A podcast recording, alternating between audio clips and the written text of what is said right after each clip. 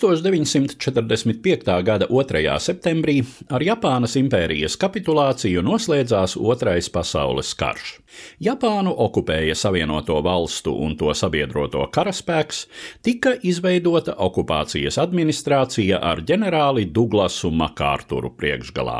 Viena no pirmajām sabiedroto spēku augstākā komandiera direktīvām bija par valdības nodrošinājuma, atbalsta, uzturēšanas, kontroles un izplatības pārtraukšanu valsts sintoismam, publiskota 1945. gada 15. decembrī. Sintoisms ir Japānas tradicionālā reliģija, sakņota senos mitoloģiskos priekšstatos un saglabājusi daudz no arhaiskiem ticējumiem. Sintoisma pamatā ir ticība kami, dievībām, svētajiem gariem, jeb lietu un parādību dvēselēm, par kādām var kļūt arī mirušo senču gāri. Tradicionālajam sintoismam nekad neizveidojās kāda centralizēta hierarhija, dogmatika, ētikas kodeks, kanonisko tekstu kopums vai priekšstats par kādu pirmpravieti. Šī ticība pastāvēja neskaitāmos lokālos variantos, īpatnējos katrā svētnīcā un pat ģimenē.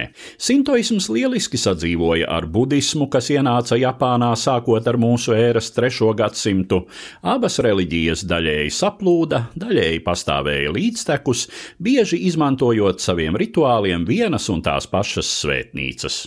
Bet situācija mainījās pēc 1868. gada, kad imperators Meidzī sāka strauju valsts reformēšanu un pārveidi par modernu impēriju. Tādai bija vajadzīga atbilstoša ideoloģija, kuras pamatā valdnieka padomdevēji nolēma likt tradicionālo tautas reliģiju, tātad sintoismu. Tā tappa kokasinto, valstiskais sintoisms. Tas gan netika definēts kā valsts reliģija rietumu izpratnē. Faktiski tā bija šīs garīgās tradīcijas padarīšana par oficiozu kultu, pakāpeniski atmetot daudzus tradicionālos elementus. No neskaitāmajiem kami, kuru starpā līdz tam nepastāvēja izteikta hierarhija, tagad tika izraudzīts panteons, kurā ietilpa agrāko gadsimtu imperatori un vairākas ar radīšanu saistītas dievības.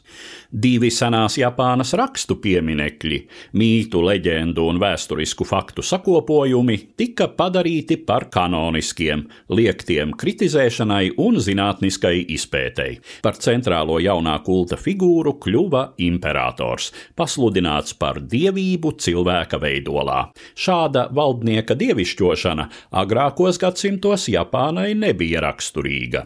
Procesu īstenoja reliģijas lietu un iekšlietu ministriju ierēdņi. Sintoistu priesteriem tajā bija maza loma. Daudzus gadsimtus kopuši īpatnējos lokālos rituālus, viņi bija gaužām nepiemēroti valstiskā kulta kalpu funkcijai. Sākotnēji tai daudz atbilstošāki izrādījās budistu mūki, un tāpēc izgāzās plāns ātri izskaust no sintoisma tur ieplūdušos budisma elementus. Tomēr līdz ar 20. Gadsimta sākumu sintoisma prakses tika arvien vairāk unificētas, tika slēgti un piespiedu kārtā apvienoti senie tempļi, līdz ar to ejot zudībā daudziem autentiskajiem rituāliem. To vietā vāra ieviesa jaunus, oficiāli apstiprinātus. Ap to pašu laiku valstiskajā sintoismā arvien noteiktāk ieviesās militārisma elementi, īpašo kami statusu piešķirot par imperatoru un valsti karojušajiem un kritušajiem. 1931. gadā imperatora kults tika noteikts kā galvenais visām sintoisma svētnīcām, par šī noteikuma neievērošanu priesteriem draudēja sots. Ievērojot visu minēto, kļūst skaidrs, kāpēc okupācijas administrācija uzskatīja par nepieciešamu ātri un pamatīgi izskaust valstisko sintoismu. Ar doktrīnu saistītie teksti tika izravēti no izglītības programmām, tika pārtraukts valsts finansējums svētnīcām, atlaisti visi ar valstiskā kulta īstenošanu saistītie ierēdņi.